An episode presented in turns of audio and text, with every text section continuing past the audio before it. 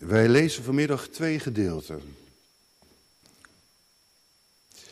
Uit het Oude Testament lezen we eerst de psalm die we in zijn geheel hebben gezongen. Dat was psalm 146. Daarboven staat, de Heer is getrouw. Halleluja.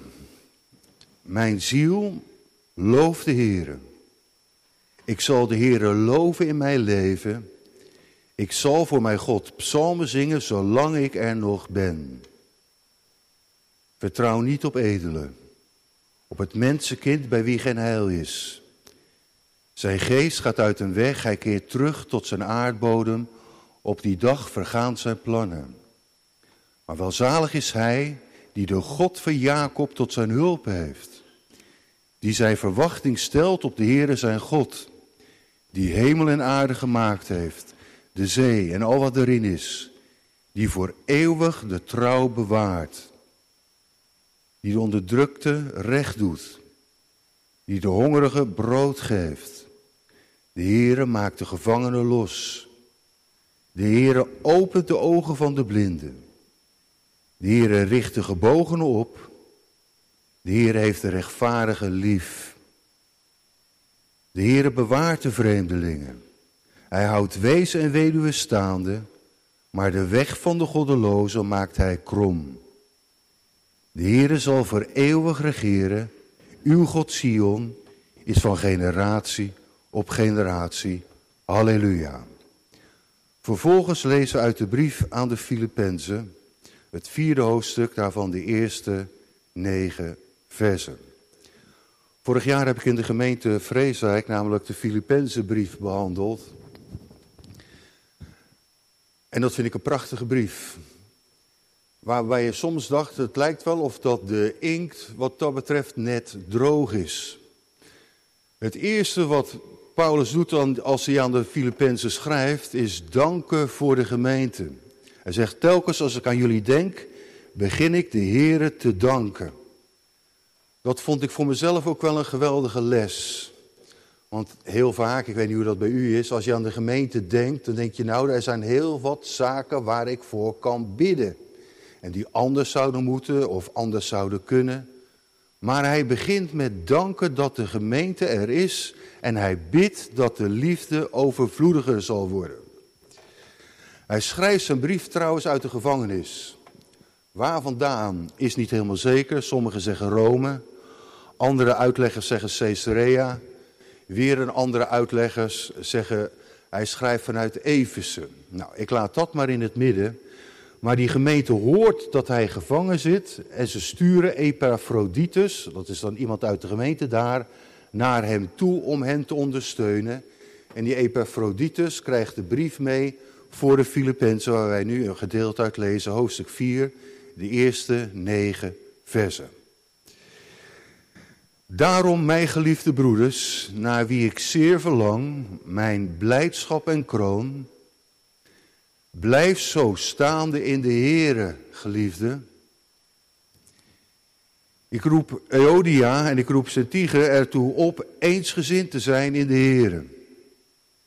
Ja, ik vraag ook u, mijn oprechte metgezel, help deze vrouwen die samen met mij gestreden hebben in het evangelie, ook met Clemens en mijn andere medearbeiders, van wie de namen in het boek van het leven staan.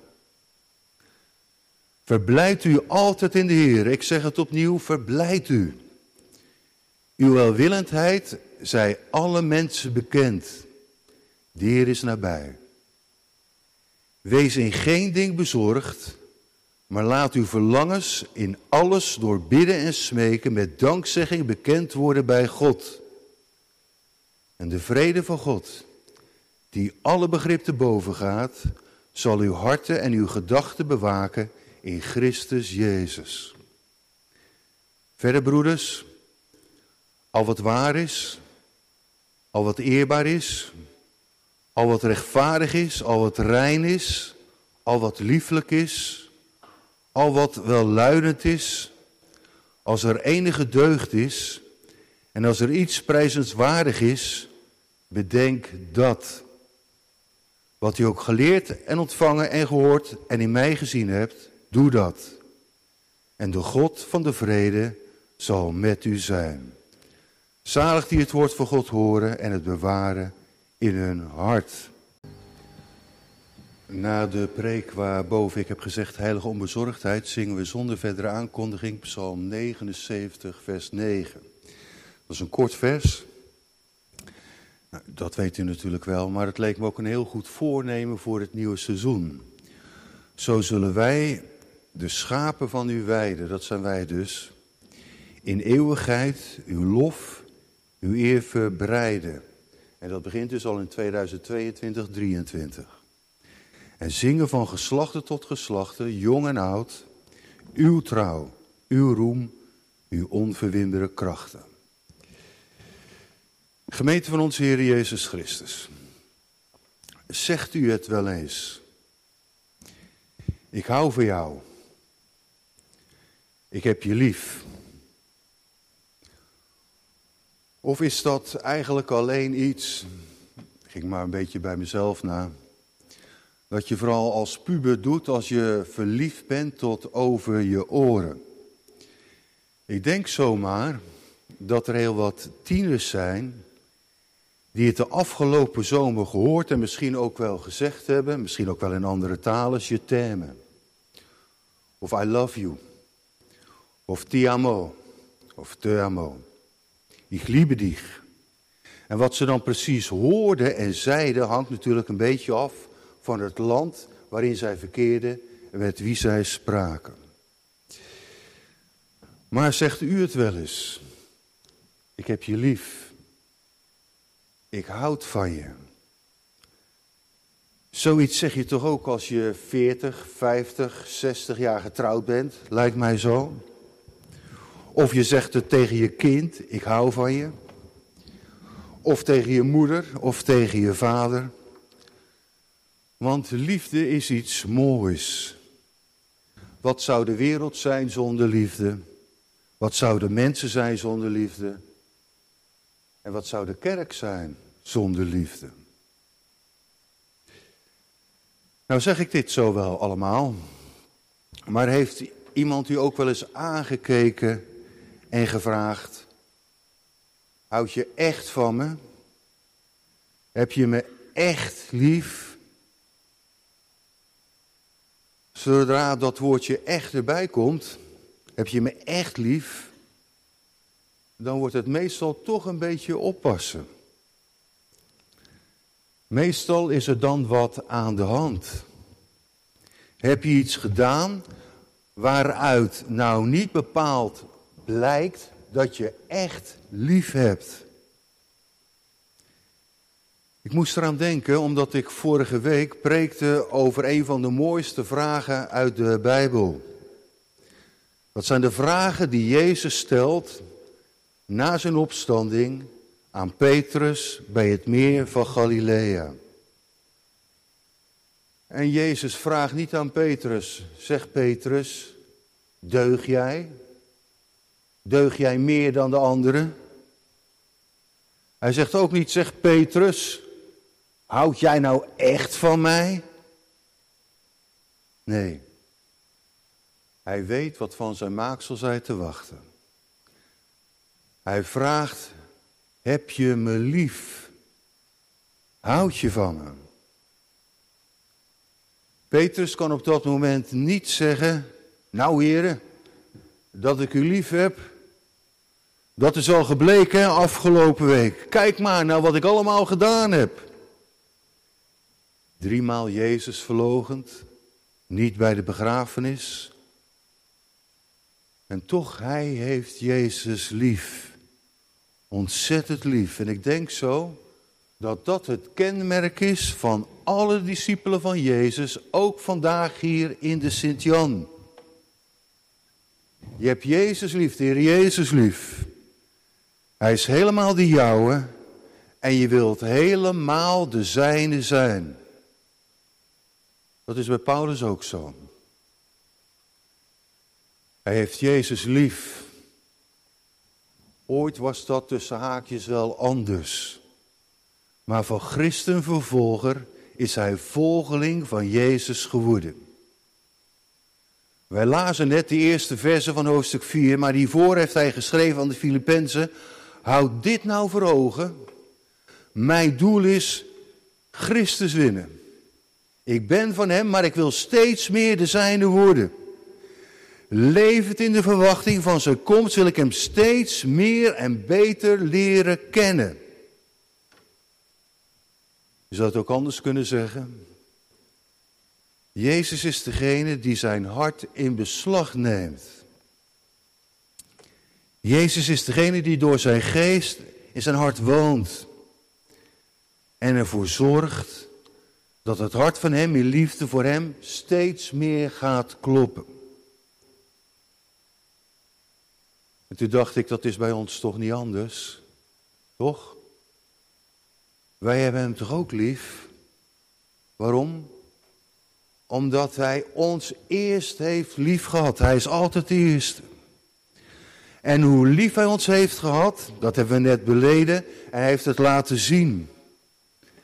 Hij is de liefde in persoon. Je zou zo zijn naam in kunnen vullen in dat beroemde hoofdstuk van 1 Korinthe 13. Jezus de liefde is geduldig. Jezus de liefde is vriendelijk. Jezus de liefde is niet jaloers. Jezus pronkt niet. Jezus doet niet gewichtig. Jezus handelt niet ongepast. Jezus zoekt niet zijn eigen belang, maar de uwe en dat van Vader. Jezus wordt niet verbitterd. En Jezus denkt geen kwaad. Jezus is het voorbeeld van de liefde. De liefde die alle dingen bedekt, alle dingen gelooft, alle dingen hoopt en alle dingen verdraagt. Nou, dat even vooraf.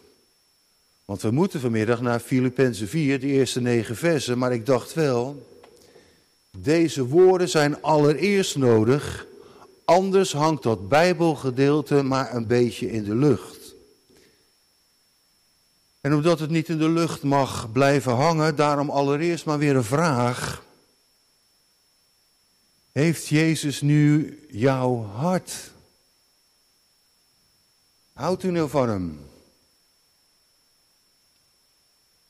Zou u zonder hem kunnen? Of stiekem zonder hem willen?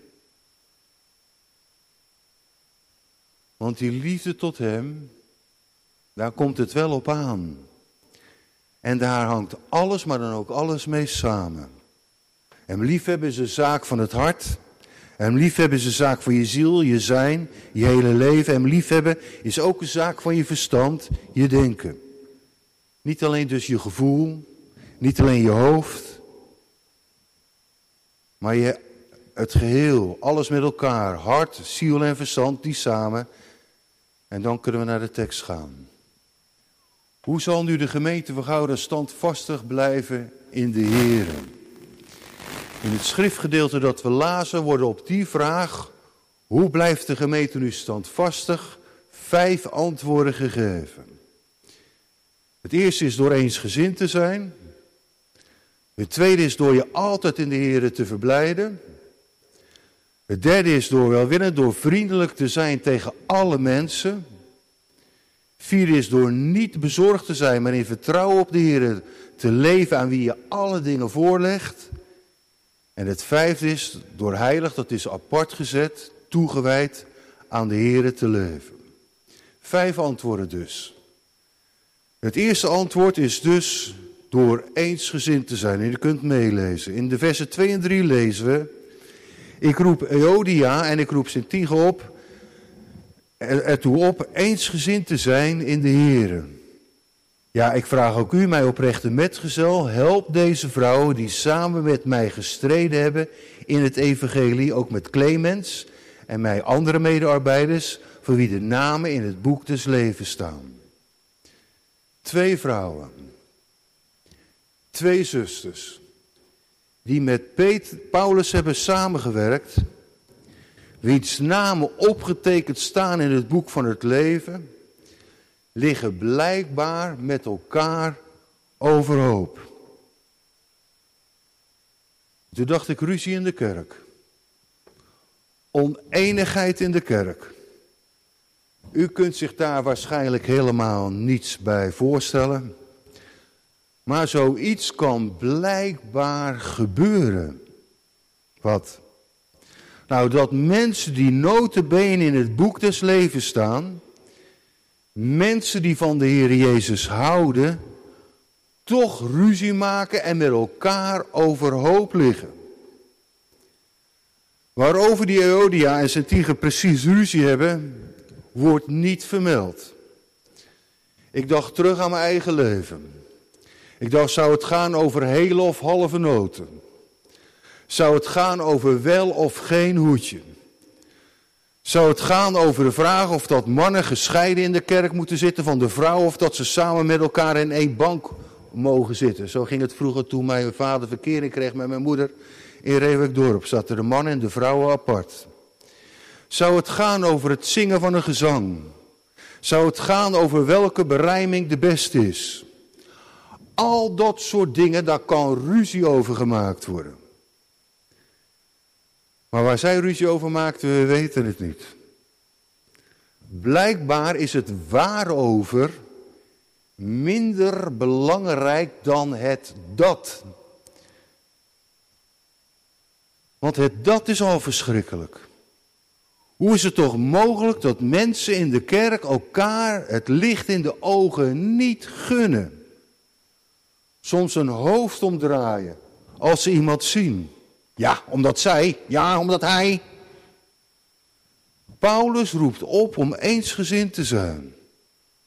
Die oproep komt al eerder naar voren in hoofdstuk 2, waar hij schrijft: Maak dan mij volmaakt gelukkig door eensgezind te zijn. Eén in liefde, één in streven, één van geest. Om eraan toe te voegen, handel niet uit geldingsdrang of eigenwaan, maar acht in alle nederigheid de ander belangrijker dan uzelf. Heb niet alleen uw eigen belangen voor ogen, maar ook die van de ander. Laat onder u de gezindheid heersen die Christus Jezus had. Toen dacht ik, laat nou die gezindheid in u zijn, die ook in Christus Jezus was. Dat is wel een oproep voor ons allemaal, steeds weer. Ook om te letten op Hem. En als er dus zusters zijn die ruzie met elkaar hebben, of er zijn broeders die ruzie met elkaar hebben, dat zou ook kunnen. Proberen dan samen op de knieën voor de Heer Jezus uit te komen. Want je bent toch samen één in de Heer. Je leeft toch van hetzelfde offer. Je bent toch door het geloof in de Heer Jezus aan elkaar verbonden. En als je er samen niet uitkomt, vraag er dan een andere broeder of zuster bij. Dat is niet raar, dat is ook niet erg. Want hier gebeurt dat ook. Hier in dit gedeelte roept Paulus zijn oprechte metgezel, zijn trouwe vriend, op om te bemiddelen, om te helpen. Wie die trouwe vriend, die oprechte metgezel precies is, dat is niet zeker. Sommigen zeggen Epaphroditus, anderen noemen Timotheus. Ja, wie het is, is ook niet zo belangrijk. Belangrijk is dat oneenigheid bijgelegd wordt. Daarom hebben we ook altijd censuur amorum. Hoe zal de gemeente van Gouda standvastig blijven in de Heer? Het eerste is dus door eensgezind te zijn. Het tweede antwoord luidt, door je altijd in de Heer te verblijden. Dat is vers 4. Verblijd u altijd in de Heer. Ik zeg het opnieuw, verblijd u. Lukt dat? Ik zou zeggen, bedenk nou wat de Heere gedaan heeft met kerst. God wordt mens en verlaat de hemel ook voor u, om op aarde als kind in een kribbe te gaan liggen. Bedenk nou wat de Heere gedaan heeft in zijn omgang op aarde. Bedenk nou wat de Heere gedaan heeft in de stille week, de verhoren, de gevangenneming. Bedenk nou wat hij gedaan heeft op Goede Vrijdag, gestorven aan het kruis. Voor u, voor jou. Bedenk nou wat de Heer gedaan heeft met Paas. Het graf is open. De dood heeft niet het laatste woord. De toekomst is opengebroken. Bedenk nou wat de Heer gedaan heeft met hemelvaart. Hij zit aan de rechterhand van de Vader en zal komen en hij regeert. Bedenk nou wat de Heer gedaan heeft met, door zijn geest uit te storten op Pinksteren. In ons komen wonen. Bedenk nou dat de Heer zelf zal komen om alle dingen recht te zetten. Verblijd je, verheug je nou in Hem en denk dan ook aan de heilsfeiten. En laat Hij nou en wat Hij doet en gedaan heeft je focus zijn. Wie zich verblijdt, verheugt in de Heer, zal wat de omstandigheden ook zijn, toch een opgewekt, opgeruimd gemoed hebben. Ik weet nog dat er met de jongerendag, dat is ja, de jaren negentig was dat, van de vorige eeuw. Dat we met, met, met Tweede Paasdag kaarten maakten. Er was een uitspraak van Pieter, van de dominee Kivit. Die zei een opwekkend woord nodig. Hij is opgewekt. Ik dacht, ja, korter kan je het niet zeggen. Prachtig. Opwekkend woord nodig, hij is opgewekt. Verblijft u in de Heer. Hij leeft. Ons humeur is niet afhankelijk van rooskleurige omstandigheden maar van de gemeenschap, de omgang met de Heer Jezus. En die omgang met Christus zorgt ervoor dat we vriendelijk naar buiten worden, vriendelijk zijn tegen alle mensen. Dat is punt 3. Hoe zal de gemeente van Gouden standvastig blijven in de Heer? Door vriendelijk te zijn tegen alle mensen. Vers 5. Uw welwillendheid zij alle mensen bekend. Paulus voegt eraan toe. De Heer is nabij. Daarmee wil hij niet alleen zeggen dat de wederkomst dichtbij is, maar ook dat de Heer zelf er nu al is, door zijn geest nabij. Wij kunnen op zijn hulp en bijstand rekenen. In alle omstandigheden is hij zoals hij heet. Ik ben erbij. Daarom het vierde punt. Hoe zal de gemeente van Gouden standvastig blijven in de Heer? Door niet bezorgd te zijn, maar in vertrouwen op de Heer te leven. Aan wie alles voorlegt. Vers 6. Wees in geen ding bezorgd, maar laat uw verlangens in alles door bidden en smeken met dankzegging bekend worden bij God. De wetenschap dat de Heer nabij is, Geef kracht om onbezorgd te leven. En ik dacht zo, als we iets nodig hebben in deze tijd, dan is het eigenlijk wel heilige onbezorgdheid. Want je hoeft maar vijf minuten, nou 4, 3, 2, 1, naar het journaal te kijken. Of een paar seconden naar het nieuws te luisteren. En het kan je zomaar naar de keel grijpen. Al die problemen die er zijn in het land, in Europa, in de wereld. En misschien dat u dacht, ja, je zou maar in Oost-Oekraïne wonen. En dan lezen, wees in geen ding bezorgd. Of u bent boer, boerendochter, boerenzoon. En je leest van de stikstofplannen. En dan lezen, wees in geen ding bezorgd.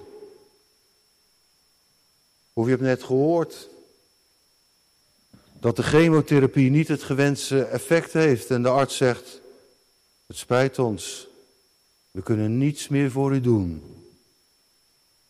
Wees in geen ding bezorgd. Slaan die woorden dan ergens op. Is het niet een advies van buiten de werkelijkheid? Dat kunnen mensen vragen. Hè? Of woorden van een dominee die dat verzonnen heeft en die nooit van zijn eigen studeerkamertje afkomt. Zoiets. Maar gemeente, zullen we niet vergeten dat het Paulus is die deze woorden opschrijft. Vanuit de gevangenis. En ik weet niet hoe die gevangenissen er toen uitzagen, maar ik denk nog anders dan die van tegenwoordig. En tegenwoordig is het ook geen pretje om een gevangen te zitten. Maar Paulus schrijft het niet vanuit een luxe studeerkamer, van een grote pastorie of iets dergelijks. Of uh, van een luxe all-inclusive vakantieoord. Nee, vanuit de gevangenis. De wetenschap dat niets hem kan scheiden van de liefde van Jezus, geeft dat hij heilig onbezorgd kan zijn. Ik ben van hem, zonder geen. Ik ben van hem. Hij zorgt, mij hou vast is dat hij vasthoudt. Of zoals hij het zegt in Romein 8. Als God voor ons is, wie zal tegen ons zijn? Hoe zal hij, die zelfs zijn eigen zoon niet gespaard heeft, maar voor ons allen heeft overgegeven, ons ook met hem niet alle dingen schenken? God zorgt. Daarom kon vroeger Jan Overduin, dat is wel heel lang geleden, dat realiseer ik me ook wel. Maar ik ben ook wat ouder. De ouderen kennen we nog wel. Schrijf hemel en hel in daggauw. En Corrie de Boom, dat leerde ze notenbenen van haar zus. Leerde, er is geen put zo diep of Jezus is dieper. God zorgt. En natuurlijk sluit dat onze zorg niet uit. Maar we worden nooit krampachtig, omdat we weten dat ons leven in Gods hand is. Onze verleden tijd, onze tegenwoordige tijd, onze toekomende tijd. Mijn tijden zijn in uw hand. En al onze zorgen, en dat kan heel wat zijn hoor. Al onze noden, en de nood kan hoog zijn. Al onze verlangens leggen wij door bidden en smeken met dankzegging bij God neer. En juist zo, zo, zo zullen we ervaren, beloofd is beloofd, vers 7, dat de vrede van God, die alle begrip te boven gaat, over ons komt. Daar heb ik meerdere verhalen van gehoord. Veel mensen vertelden van de vrede van God die ze ervaarden in moeilijke omstandigheden. Gebeden bij een doodzieke man. Verschrikkelijk om je man te zien lijden of je vrouw te zien lijden. En je bidt toch, Heer, geef toch herstel en laat de kuur aanslaan. Want je houdt zo ontzettend veel van hem of haar en je kunt hem eigenlijk niet missen. En je bidt en je smeekt. En uiteindelijk stierf hij of zij toch. En dan onverklaarbaar. Toch de vrede van God ervaren. In deze laatste tijden zullen we dus bidden, en dat is het vijfde, het laatste punt, ook het goede doen.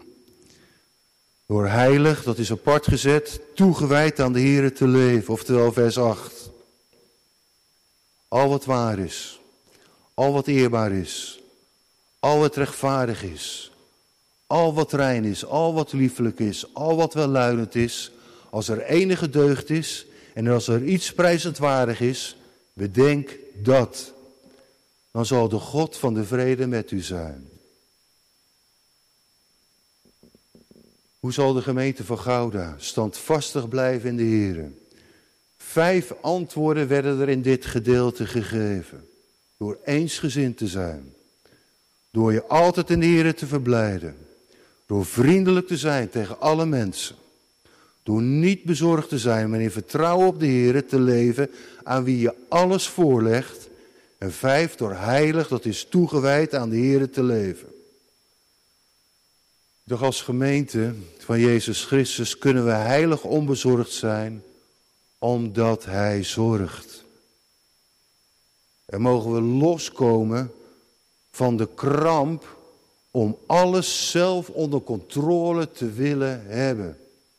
Dat willen we graag, hè? Daar doen we ons best voor. Maar je ervaart ook wel dat het niet altijd lukt. Daarom lijkt het me ook wel een, een bevrijdende gedachte. Juist ook in onze tijd. Een tijd waarin een wereldoorlog dreigt.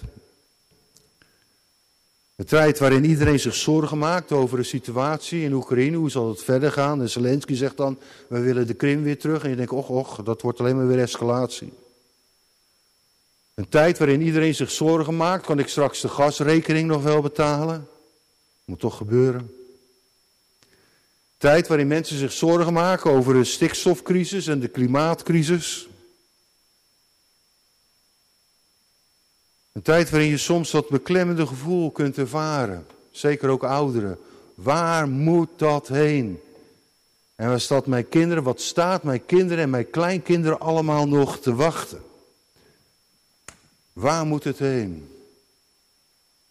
Nou, het gaat naar het koninkrijk. Ook als we door de verdrukking gaan. Hij is nabij, schrijft Paulus. Wie? Jezus. Die is, zoals hij heet, zaligmaker. Hij is Emmanuel, God met ons. Zegt u het wel eens tegen hem? Ik houd van u. Ik heb u lief. Vanavond doen, voor het slapen gaan, zeggen ik hou van u. Ik heb u lief. Want in ieder geval zegt hij, ook vanmiddag tegen jou. Ik houd van je. Ik heb je lief. Vertrouw nou op mij. Zijn liefde en zorg gaat altijd voorop. Daarom die vraag van hem. Heb je me lief? Houd je van me?